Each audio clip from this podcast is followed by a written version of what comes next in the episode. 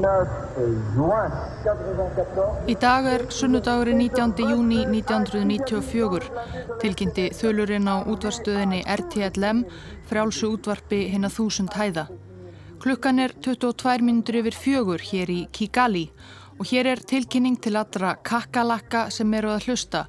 Rúanda tilheyrir okkur sem verjum landið og þið kakalakkar eruð ekki alvöru rúandamenn.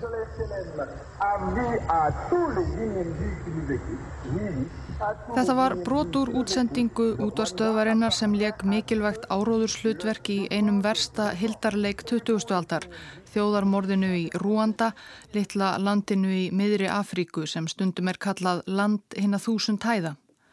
Á um 100 dögum frá byrjun april fram í miðjan júli 1994 slátruðu her og vígasveitir af þjóð Hútúa nágrunum sínum tútsum.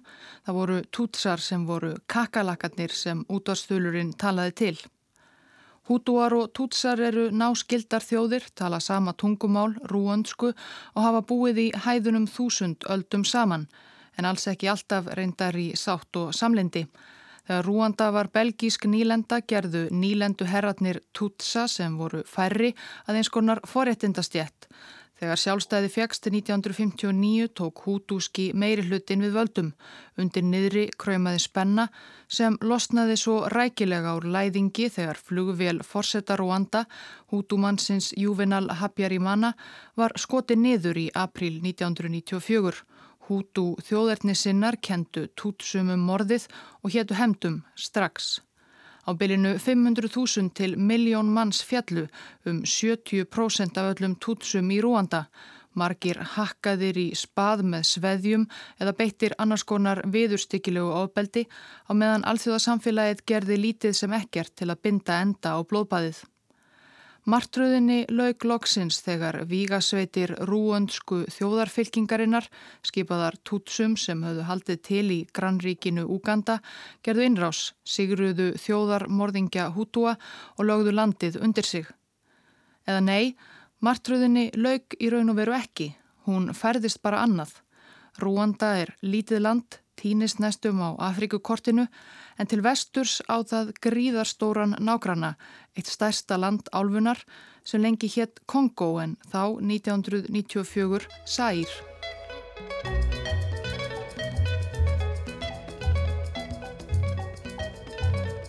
Í síðasta þætti skildum við við Kongo 1965 Þá hafði ungur yfirmaður kongóska hersins, Jósef Mobuto, tekið sér alræðisvald og heitið því að stilla til fríðar í stríðsjáðu landinu sem var þá við það að leysast upp aðeins fimm árum eftir að hafa fengið sjálfstæði frá Belgíu.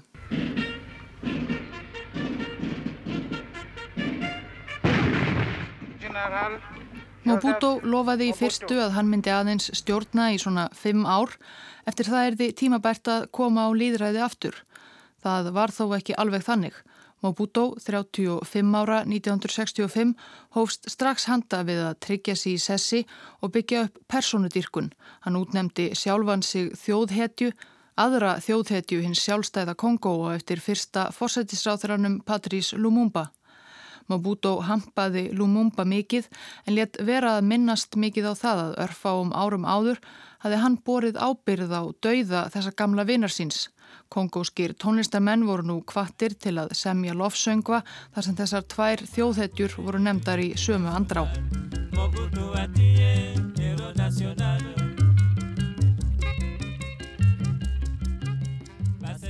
Jósef Desire Mobuto fættist í bænum Lísala við bakka Kongofljótsins 1930 og var alveg upp af frændfólki eftir að móðir hans lest þegar hann var 8 ára.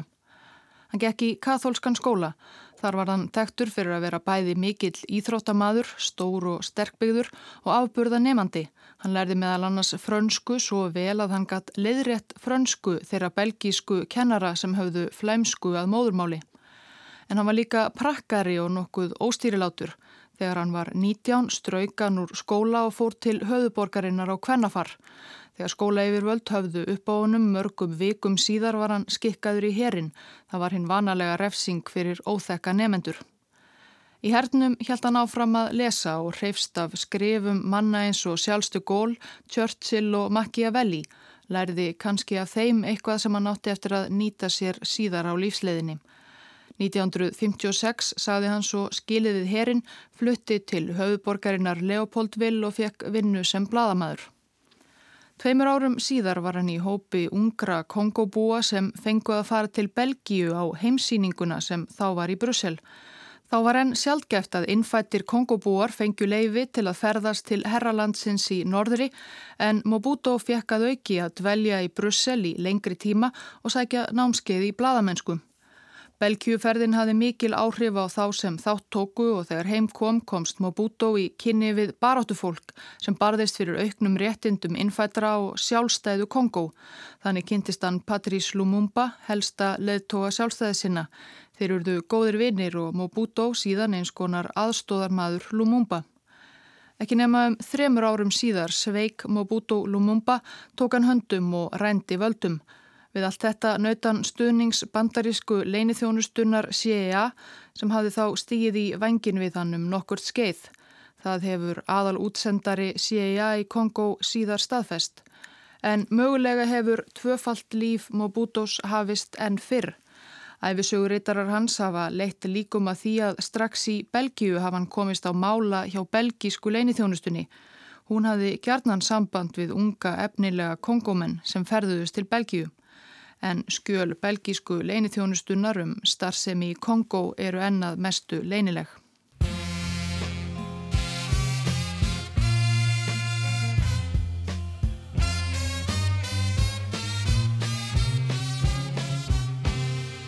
Mobuto tók við erfiðu búi 1965. Kongo hafi logað í íldeilum frá sjálfstæði í fimm ár en með hardri hendi tókst Mobuto smátt og smátt að berja niður átök og andof. Hann var sérstaklega hrifin af því að múta anstæðingum á sitt band en þá sem ekki letu kaupa sig leta hann bara taka af lífi. Árið 1965 stopnaði Mobuto alþýðu fylkingu byltingarinnar eða MPR. Hann var sjálfur formaður og þetta varð eini löglegi stjórnmálaflokkur landsins Öll kongóska þjóðin tilherði floknum, börn voru skráði í MPR við fæðingu. Stefnaflokksins var óljós, einhvers konar kongósk þjóðarnistefna sem hafnaði bæði kommunisma og kapitalisma. Ekki vinstri og ekki hægri stóði í stefnuskráni, síðar var bætt við ekki einu sinni í miðjunni. 1970, fimm árum eftir valdaránið, stóð Mobuto sannarlega við lovorð sitt til þjóðarinnar og helt kostningar, bæði til Þings og Embættis Forsetta. En MPR var eini flokkurinn sem átti bjóða fram og hlaut því öll sæti á Þingi og Jósef Mobuto var eini frambjóðandin til Forsetta og sigraði með meira en 99,99% ,99 um atkvæða. Í stjórnarskrárbreytingum sem samþyktar voru með álíka prósentutölu var ennbætti fórseta gert það valdamesta í stjórnkerfinu sem á bútó var allt í senn aðsti yfir maður ríkistjórnar, utaríkismála og herabla.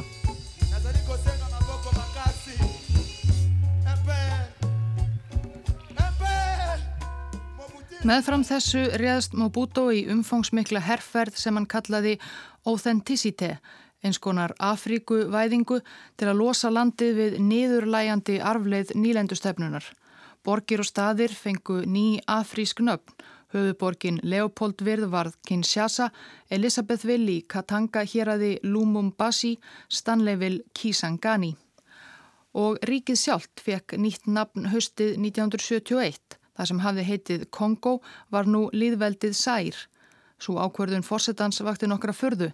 Nafnið Kongo er miklu eldra en nýlendustefnan, heiti innfættra á fljótinu sem rennur í gegnum landið. Fyrsta afríska konungsríkið Kongo leið dagsins ljós á 14. öld. Sær má hins vegar rekja til mishertnar portugalskra landkönnuða á kongósku orði yfir sama fljót en sere, áinn sem gleipir allar aðrar ár. Allir kongobúar urðu nú að taka upp það sem forsetin áleitt al-afrísk nöfn í stað evróskra og kristina nafna Sjálfur losaði hann sig við fornafnið Jósef og kallaði sig framvegis Mobuto Sese Seko Nunkuku Ngibendu Vasabanga sem hún þýða hinn almáttu í stríðsmaður sem sökum þols og óbeilandi viljastyrks fer frá sigri til sigurs og skilur eftir sig brennandi slóð. En yfirleitt var hann kallaður bara Mobuto Sese Seko. Mobuto Sese Seko comme mode de solution à toutes les crises qu'a connu notre pays. Dieu bénisse le Zaïre et son peuple. Vive la République du Zaïre. Kongo er ríkt af öðlindum, svo mjög að ef landinu hefði einhver tíman verið stjórnað almennilega, getið það vel hafa orðið meðal auðugustu ríkja heims. Það er að finna kól, ólju og úran, gull og demanta, kopar, tin, blí, sink, mangan, koltan og kópalt. Efnin tvö síðastnefndu sífælt mikilvægari á alþjóða mörguðum því þau eru meðal annars notuð í farsíma, raflöður og rafbíla. Mobuto þjóðnýtti Erlend fyrirtæki í Kongo eða Sær og hrakti Erlenda fjárfesta ár landi. Þetta var ekki farsælt fyrir efnahag landsins. Námuvinslan hrundi en Mobuto let það ekki á sig fá og var eðslusamur með endemum. Þrátt fyrir að hann niti lengst af fjárhags aðstóðar frá bandaríkunum og vesturlöndum, Mobuto var áletinn tryggur og góður bandamaður gegn kommunismannum í Afriku, tókst honum að sapna ævintýralegum skuldum. Hann létt til dæmis byggja sér 100 miljón dollara risahöll í afskektum frumskói Norður Kongo og við hlið hennar flugvöll sem gætt tekið á móti Concord þótu. Þíma Bútó og fjölskylda hans þurftu jú að komast sem hraðast í tíðar verslunarferðir sínar í luxusverslanir Parísar og New York. Hann mútaði og öllum sem hann mútað gatt og háar fjárhæðir runnu inn á svisneska bankareikninga hans og vina hans. Í upphafi tíunda áratugurins lauk kaldastriðinu og Mobuto var ekki lengur besti vinnur vestursins. Fjárhags aðstóðin þortnaði upp og það sem eftir var af efnahag Kongo eftir áratuga ránirkju og óstjórn hrundi. Frá sjálfstæði 1960 til ársins 1997 rapaði þjóðarframlegsla særum 65%. Gjaldeirinn varð verðlaus og verðbólka árið 1994 var 9800%. Mobuto var þá komin á sjötugsaldur og eiginlega hættur að sína landi sínu mikinn áhuga.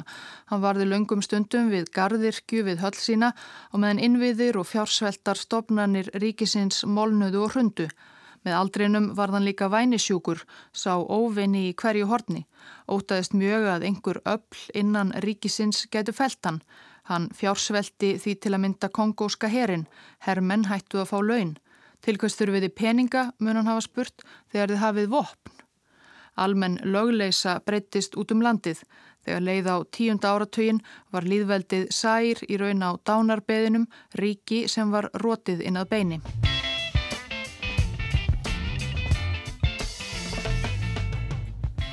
Það var yfir í þetta degjandi ríki sem rúandskir flótamenn flúðu upplaust þjóðarmorðsins 1994. Þeir komu í tveimur hollum, fyrst tútsar sem flúðu þjóðarmorð hútúa granna sinna og nokkur síðar kom enn stærri alda flótafólks. Hútúar á flóta eftir að rúandska þjóðarfylkingin RPF, uppreysnarsveit tútsa, lagði undir sig rúanda í hendarhug. Að minnstakosti miljón hútúar flættu þá yfir landamærin, bæði almennir borgarar og með þeim gömlu ráðamennir sem höfðu kvart til þjóðarmorðsins og vígasveitirnar sem höfðu gengið hvað harðast fram gegn tútsum. Á þessum slóðum í austanverðu Kongo, í landamæra hérðunum norður og söður Kívu, hefur lengi búið rúandsku mælandi fólk, bæði hútúar og tútsar, þó fleiri tútsar, Nú urðu þessir kongósku tútsar skindilega fyrir barðinu á ofsóknum aðkomu fólks, hútúsku flótamannana, sem urðu fljótt svo aðsópsmiklir að þeir byggu sér í raun til lítið rúanda í flótamannabúðunum sínum, settu þar upp stopnannir, verslanir og hersveitir. Mobuto keipti sér ekki upp við þetta. Hann hafði stutt stjórnvöld hútúa í rúanda forðum og var svo sem að missa bæði áhuga og tök á eigin ríki.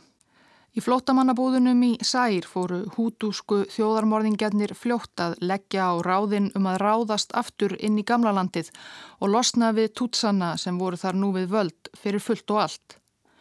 Fyrir nýjum stjórnvöldum í Rúanda fór nú fórsetin Pól Kagame leðtogi uppreysnar fylkingar tútsa RPF. Honum leist ekki á blekuna og fór á móti að leggja á ráðin um að ráða niðurlögum húdúana í Sær. Og ekki nóg með það. Rúandamenn vildu fara alla leið og losna við sjálfan aldraðan einræðisherran í Kinshasa, Mobuto Sese Seko. Það yrði ótvírætt rúandskum stjórnvöldum í hag að hafa stjórn þeim vinnveita við völd í þessu risastóra grannríki. Eins og fyrr segir voru Vesturlönd hættað stiðja kaldastriðs risaðelur eins og Mobuto. Þessi stað bundu þau nú trússitt við það sem kallað var ný kynnslóð líðræði sinnaðra afrískra leðtoga. Þar á meðal var einmitt Pól Kagame, forseti Rúanda og einnig kollegi hans í Uganda, Jóveri Museveni. Uganda er grannríki Rúanda til norðurs og Museveni sem komst til valda 1986 eftir að hafa barist gegn einræðisherrunum Idi Amin og Milton Obote var diggur bandamæður Kagames og engin vinnur Mobutos. Mobuto átti raunar ekki marga vini eftir. Hann hafði alltaf dreymt um að verða stórkarl í Afríku og deila þar og drotna. Þess vegna hafði hann meðal annars leift alls konar erlendum víga og uppreysnarhópum að halda til á kongósku landi, nokkuð sem glatti stjórnvöld í grannríkjum lítið. Rúanda og Uganda mynduðu nú með sér bandalag gegn risaðlunni í Kongó. Síðar bættist Angóla við, Kongó á laung landamæri að Angóla til suðvesturs og Mobuto hafi lengi stutt angólska uppreysnarfylkingu stjórnvöldum þar til mikillar gremju. Ríkin þrjú vildu þó ekki að upp kæmist um samsærið þeirra. Því létu þau sem þetta væri í raun heimaræktuð kongósk uppreist þar sem þau kolluðu líðræðis bandalægið fyrir frelsun Kongó Sær. AFDL var skamstöfunin á frönsku nafni fylkingarinnar. Þetta var blanda af rúöndskum og úgöndskum hermönnum og kongóskum vígamönnum úr ýmsum áttum, andstæðingum Mobutos, Tutsum og fleirum. Til að leina enn frekar aðild rúanda og félaga var svo dreyin fram gamall kongóskur marxisti til að fara fyrir hernum. Sá, Laurent Kabila, var fættur 1939 og þó hann hefði aðalega fengist við gull og demantasmikl síðustu árin átti hann sér þó langa sögu úr þessum bransa. Eftir að Mobuto tók völdin 1965 hafði Kabila um nokkur skeið barist með ýmsum andofsreifingum. Hann hafði meira segja hitt Che Guevara sem kom 1965 til Kongo í vonum að koma þar af stað byltingu. Það gekk afar ítla og reyndar fór tje ekki sérstaklega fögrum orðum um Kabila í ferðasögu sinni. Líðræðisbandalægið svo nefnda reðst inn í austanvert Kongo í oktober 1996. Því mætti ekki mikil anstaða. Sæirski herin var í mólum eins og landið allt. Hermenn höfðu ekki fengið laun lengi og höfðu lítin áhuga á að hætta lífi og limum til að verja þetta rótnandi ríki. Uppreysnarherin fór fljótt og öruglega yfir að vísu með all nokkrum blóðsúthellingum frá austri til vesturs. Í byrjun mæ 1997 voru uppreysnarmennir komnir þvert yfir landið allarleið til Kinshasa, höfuborgarinnar sem eitt sinn hétt Leopoldville. Þann 16. mæ flúði Mobuto Forseti, ráða og vinalaus borgina, fyrst í frumskóarhöll sína og þaðan til Marokko.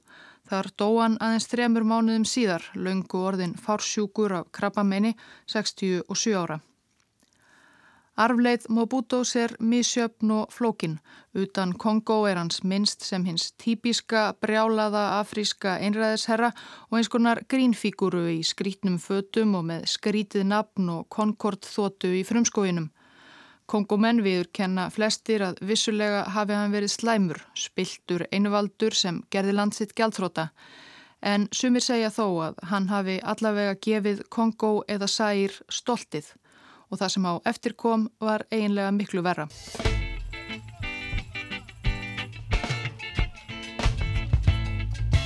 Strax dægin eftir flótta einræðisherrans sór leðtogi uppreysnarmanna, gamli marsistinn Laurent Kabila, Embætis eið sem forseti landsins sem nú skildi ekki lengur heita Sær heldur alþýðu líðveldið Kongo. Moi, Laurent Désiré Kabila, président de la République, je jure fidélité à la nation. Það var hægara sagt en gert að ætla sér að byggja upp einhvers konar ríki úr þeim rústum sem Mobuto skildi við. Laurent Kabila var líka óhæfur til starfsins. Hann kastaði fljóttu öllum hugmyndum um líðræðis uppbyggingu frá sér og stjórnaði bara að hætti forvera síns með álíka oferíki og spillingu. Eitt hafði Kabila sér þó til hald svo trösts, rúandska bandamenn. Til Kinshasa streymdu rúandskir hermenn og ráðgjafar því það hafði ju alltaf verið ráðagerð Kagame forsetta og félaga í Rúanda að koma sér upp leppstjórn í Kongo. En Kabila reyndist ekki láta ráðskast með sig svo auðveldlega. Rúandskir hermenn voru nú á hverju strái í Kongo og verðu fljótt óvinnsælir meðal almennings. Kabila fekk það orð á sig að vera bara peð erlendra ríkja og orðið á götunni í Kinshasa var að pínulitla Rúanda ætlaði sig jáfnvel að leggja undir sig hluta Kongo eða landið allt. Ömurleg tilugsun fyrir stolta kongomenn. Að lokum í lok júli 1998 fekk Kabila nóg. Hann þakkaði Rúanda og Úgandamönnum fyrir veitta aðstóð en bað þá vinsamlegast að hypja sig. Öllum erlendum hermönnum og ráðgjöfum var smalað upp í flúvilar og flóið með þá burt innan sólarhengs. Það var enn ófriðvænlegt í austurhluta Kongo við landamærin að Rúanda þar sem hútúvígamenn í flottamannabúðunum heldu áfram óspektum sínum og ráðabruggi óáreittir. Stjórnvöldi í Rúanda voru ekki sátt. Kagame fórseti hafi verið vissum að Kabila er því hans maður og myndi taka á þessu en nú var allt fallið í sama farið, ólíðandi.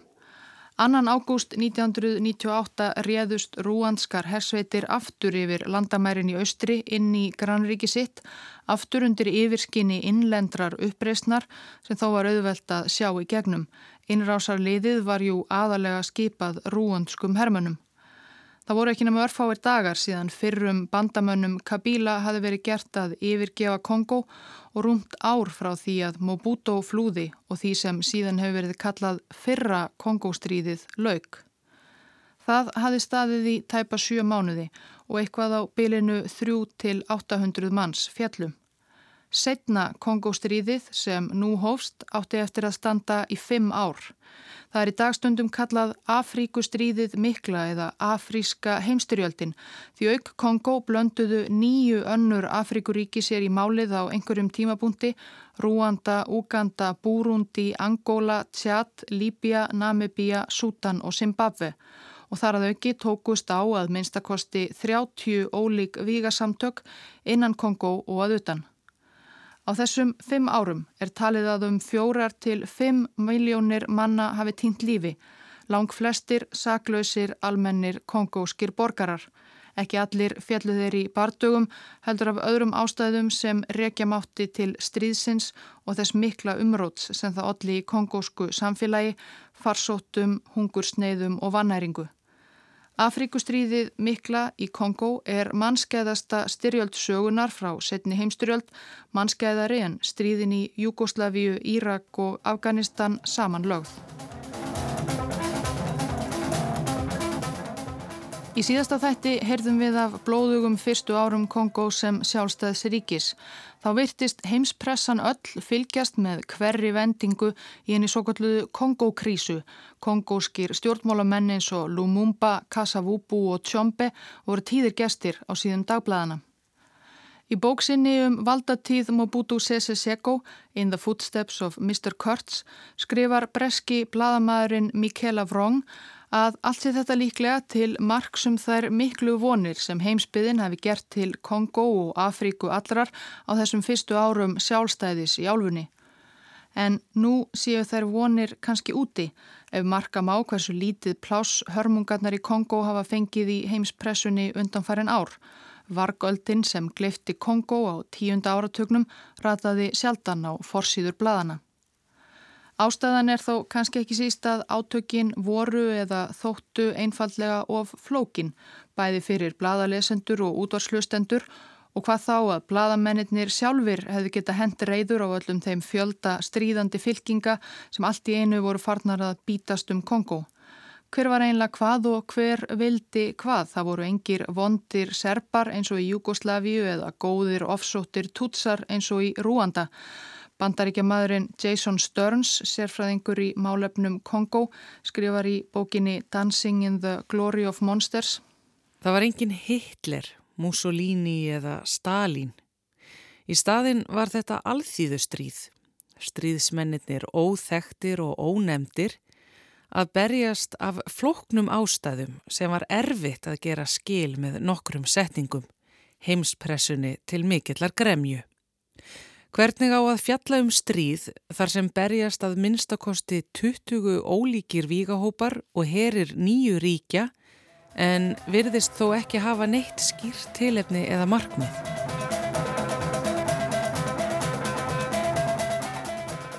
Ágúst 1998 Herr Rúanda með stuðningi Úganda og Búrundi, grannríkis Rúanda til suðurs, lagði fljótt undir sig borgir og bæi í austurluta Kongo.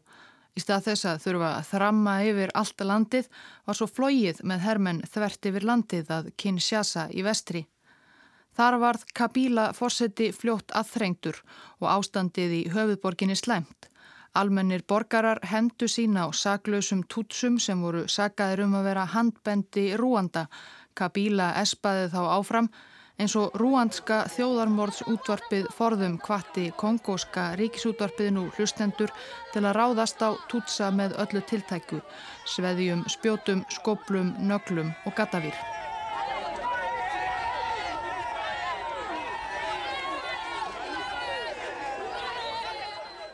Styrjaldirnar í Kongo spruttu upp úr einhverjum hryllilegustu grimdarverkum síðari ára, þjóðarmorðinu í Rúanda og sá upprunni átti eftir að setja mark sitt á bæði stríðin. Þau yrðu ekki síður grimmileg.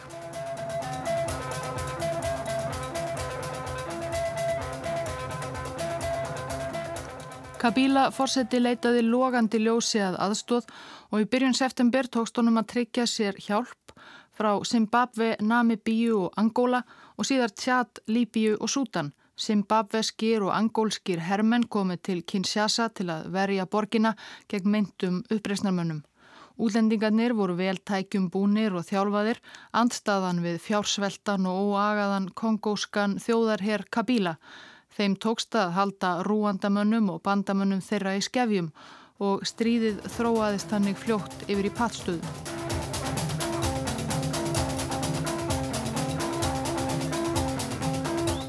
Það eru ýmsar ástæðir fyrir því að öll þessi Afrikuríki ákváðu að blanda sér í átökin í Kongo.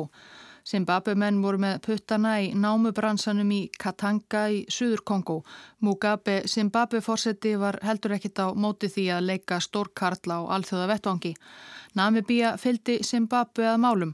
Angóla vildi tryggja að stríðið myndi ekki verða angólsku uppreysnamönnunum sem höfðu haldið til í Kongo á Mobuto tímanum til góðs. Sútan var í nöp við Uganda, Líbíja Muammars Gaddafís vildi líka aðalega bara gera sig gildandi og svo framvegis. En ekki síst voru það áður nefndar auðlindir sem heldu stríðinu gangandi áfram og áfram og áfram þrátt fyrir pattstöðu. Von bráðar voru nefnilega flestar stríðandi fylkinga komnar á bragðið með að ræna og ruppla flestu því sem fyrirfannst í kongóskri jörðum.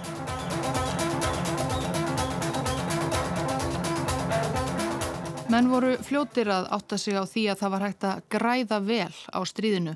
Sjálfur stríðsregsturinn var ekki svo dýr, það vantaði ekki vopnin í Kongo og svo var nóg af ungum mönnum til að berjast, já eða drengjum og það þurfti varla að borga þeim laun því þeir gáttu jú bara líka rent og rupplað sér til viðurværis.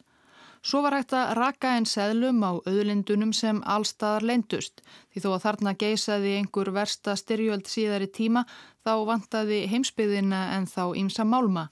Endalus styrjöld var góður business fyrir stjórnmálamenn, herfóringja og veltengda businessmenn sem settu ekki samviskuna fyrir sig. Engin utan Afríku virtist kipa sér sérstaklega upp við það að á örfáum árum 14 faldaðist demanta útflutningur Úganda og að Rúanda, land þar sem enga demanta er að finna, flutti á strísárunum út demanta fyrir um 40 miljardar dollara á ári. Og svo var það koltan. Koltan er þungur dökkur málmur sem úr er unnið efnið tantal, meðal annars notaði þjætta í ráftækjum og árum setna Kongostriðsins fór eftirspurnin eftir koltani upp úr öllu valdi því friðsælari heimslutum þurfti fólk sífælt fleiri Nokia síma, stafrænar, myndavelar og Playstation 12. Bara á árinu 2000 hækkaði verðið á koltani um 1000%. Koltan er nær engöngu að finna í Kongo og Rúanda lagði fljótt undir sig allar helstu koltannámur.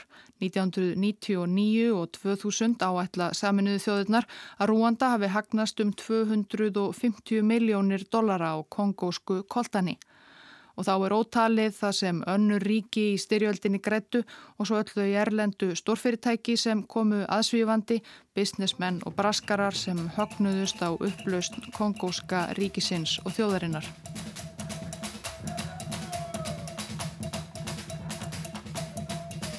Á meðan sumir grættu sökk Kongó bara lengra og lengra niður í ófríðar fenn. Ímiskonar vígahópar spruttu fram, uppreysna bandalag rúandamanna sprakk í sundur og ótal fylkingar heldu hver í sína áttina, allar með laung og óþjálnöfn sem gerðu alla umfjöllunum stríðið að ílskiljanlegri skamstafana súpu. Allir vildu sneið af kökunni og voru til í að beita öllum mögulegum aðferðum til að komast yfir sinn skerf. Það kastaðist á endanum í kekki millir Rúanda og Úganda vegna rifrildisum demantagróða. Í ófremdar ástandinu kviknuðu svo að nýju alls konar gamlar deilur millir þjóðarbrota og ættbálka, gamalt hattur var rifjað upp og öll heimsins gömlu sár ífið upp. Allir börðust við alla. Það var kannski ekki að undra að heimspressan klóraði sér í haustnum og vildi frekar einbeita sér að auðveldar í málum. Stríðandi fylkingar rændu svo ekki bara á röpluðu, heldur beittu bæði óvinna hermenn og óbreyta borgara gengdarlausri grimd, pintuðu, nauguðu, limlestu og myrtu, sér í lagi urðu nauganir og ofbeldi gegn konum að hryllilegu einkenni stríðsins.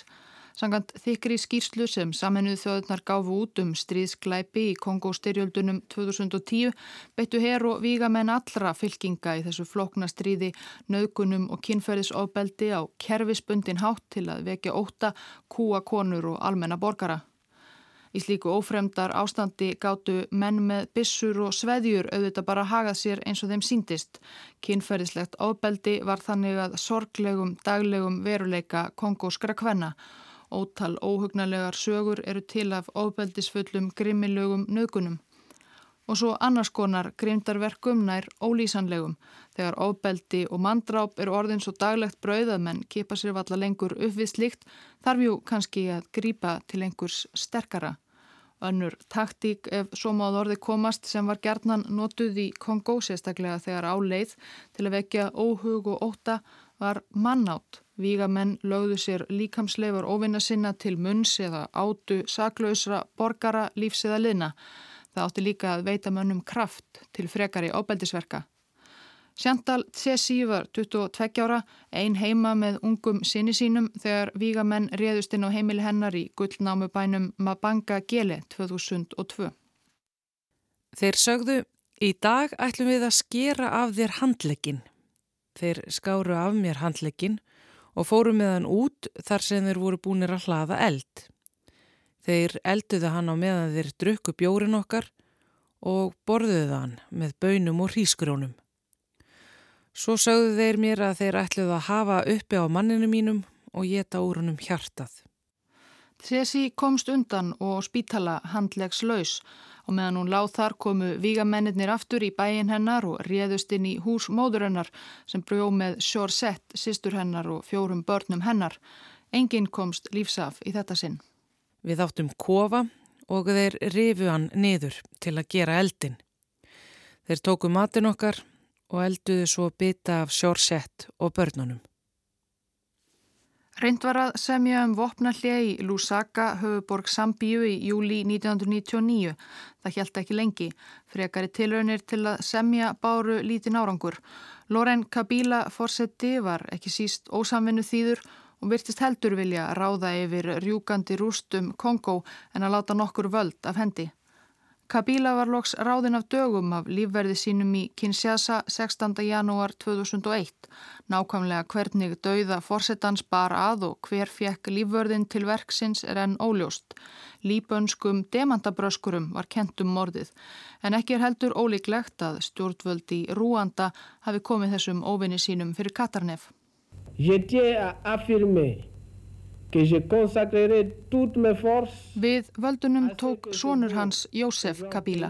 Hann var varðla þrítugur, óreindur í stjórnmálum og þótti ekki líklegur til stórræða. En flestum að óvörum beitti hann sér af alvöru fyrir friðarumleitunum og að lokum barðað árangur. Notamment l'organisation des élections libres et transparentes. Haustið 2002 dróðu Rúanda og Úganda heri sína út úr Kongo. Saminuðu þjóðurnar hafðu þó lengi þreist á ríkin að hætta afskiptum af stríðinu. Í árslokk 2002 skrifuðu innlendar kongóskar fylkingar svo undir samningum næstu skref fyrir tilstilli Kabila Yngri myndun bráðabyrða þjóðstjórnar og undirbúning kostninga.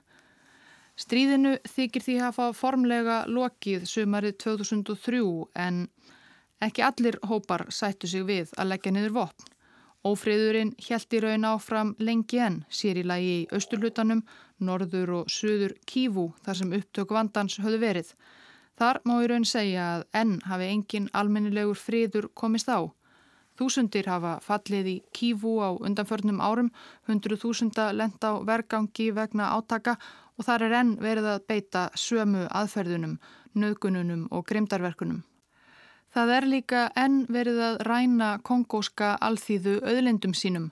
Nú er það ekki síst annar málmur, kópalt, sem er notaður í lithiumbatteríin í snjálfsíminum okkar, fartölfunum og rafbílunum. Verð á kópalti hefur snarhækkað á síðustu árum og eins og mannreitnenda samtök hafa afhjúpað er kópaltið sem margir helstu tæknirísar heims hafa notast við unnið úr kongóskri jörðu, oftar en ekki af ungum börnum sem vinna við ömurlegar, stórhættulegar aðstæður fyrir lúsar laun, en aðrir hagnast.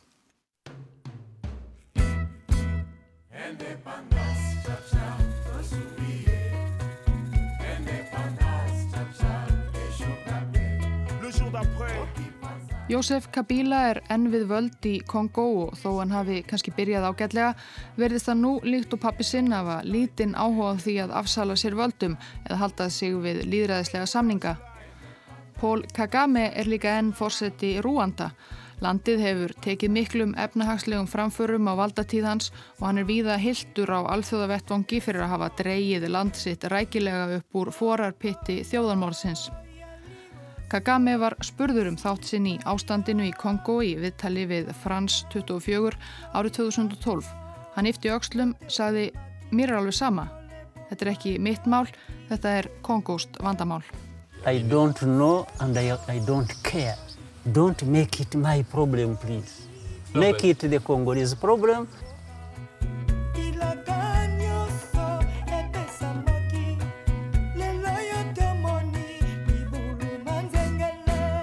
La multitude d'origines, autant d'ethnies que de coutumes, n'empêche le partage d'aspirations communes. C'est indépendance.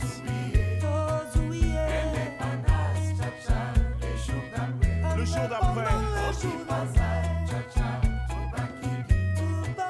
Tari et Indépendance, entre clair-obscur et ténèbres. 50 ans, ça se célèbre. Si, si. Promesse le lendemain, promesse de l'aube d'un état souverain où le sol se dérobe entre milices et rebelles, puis à Gyrocèle, peuple que l'on déplace comme des cheptels, de parcelle en parcelle, gouvernance en tutelle, état de droit essentiel à nos ethnies unies au pluriel. Effet papillon, effet tampon. Car ici on change leur en blanc. La révolution au bout du vote. La force du nombre est l'antidote. pour changer la dette en dot. Autant de droits que de devoirs, plus de points de convergence que de différences, et oublier l'état-providence.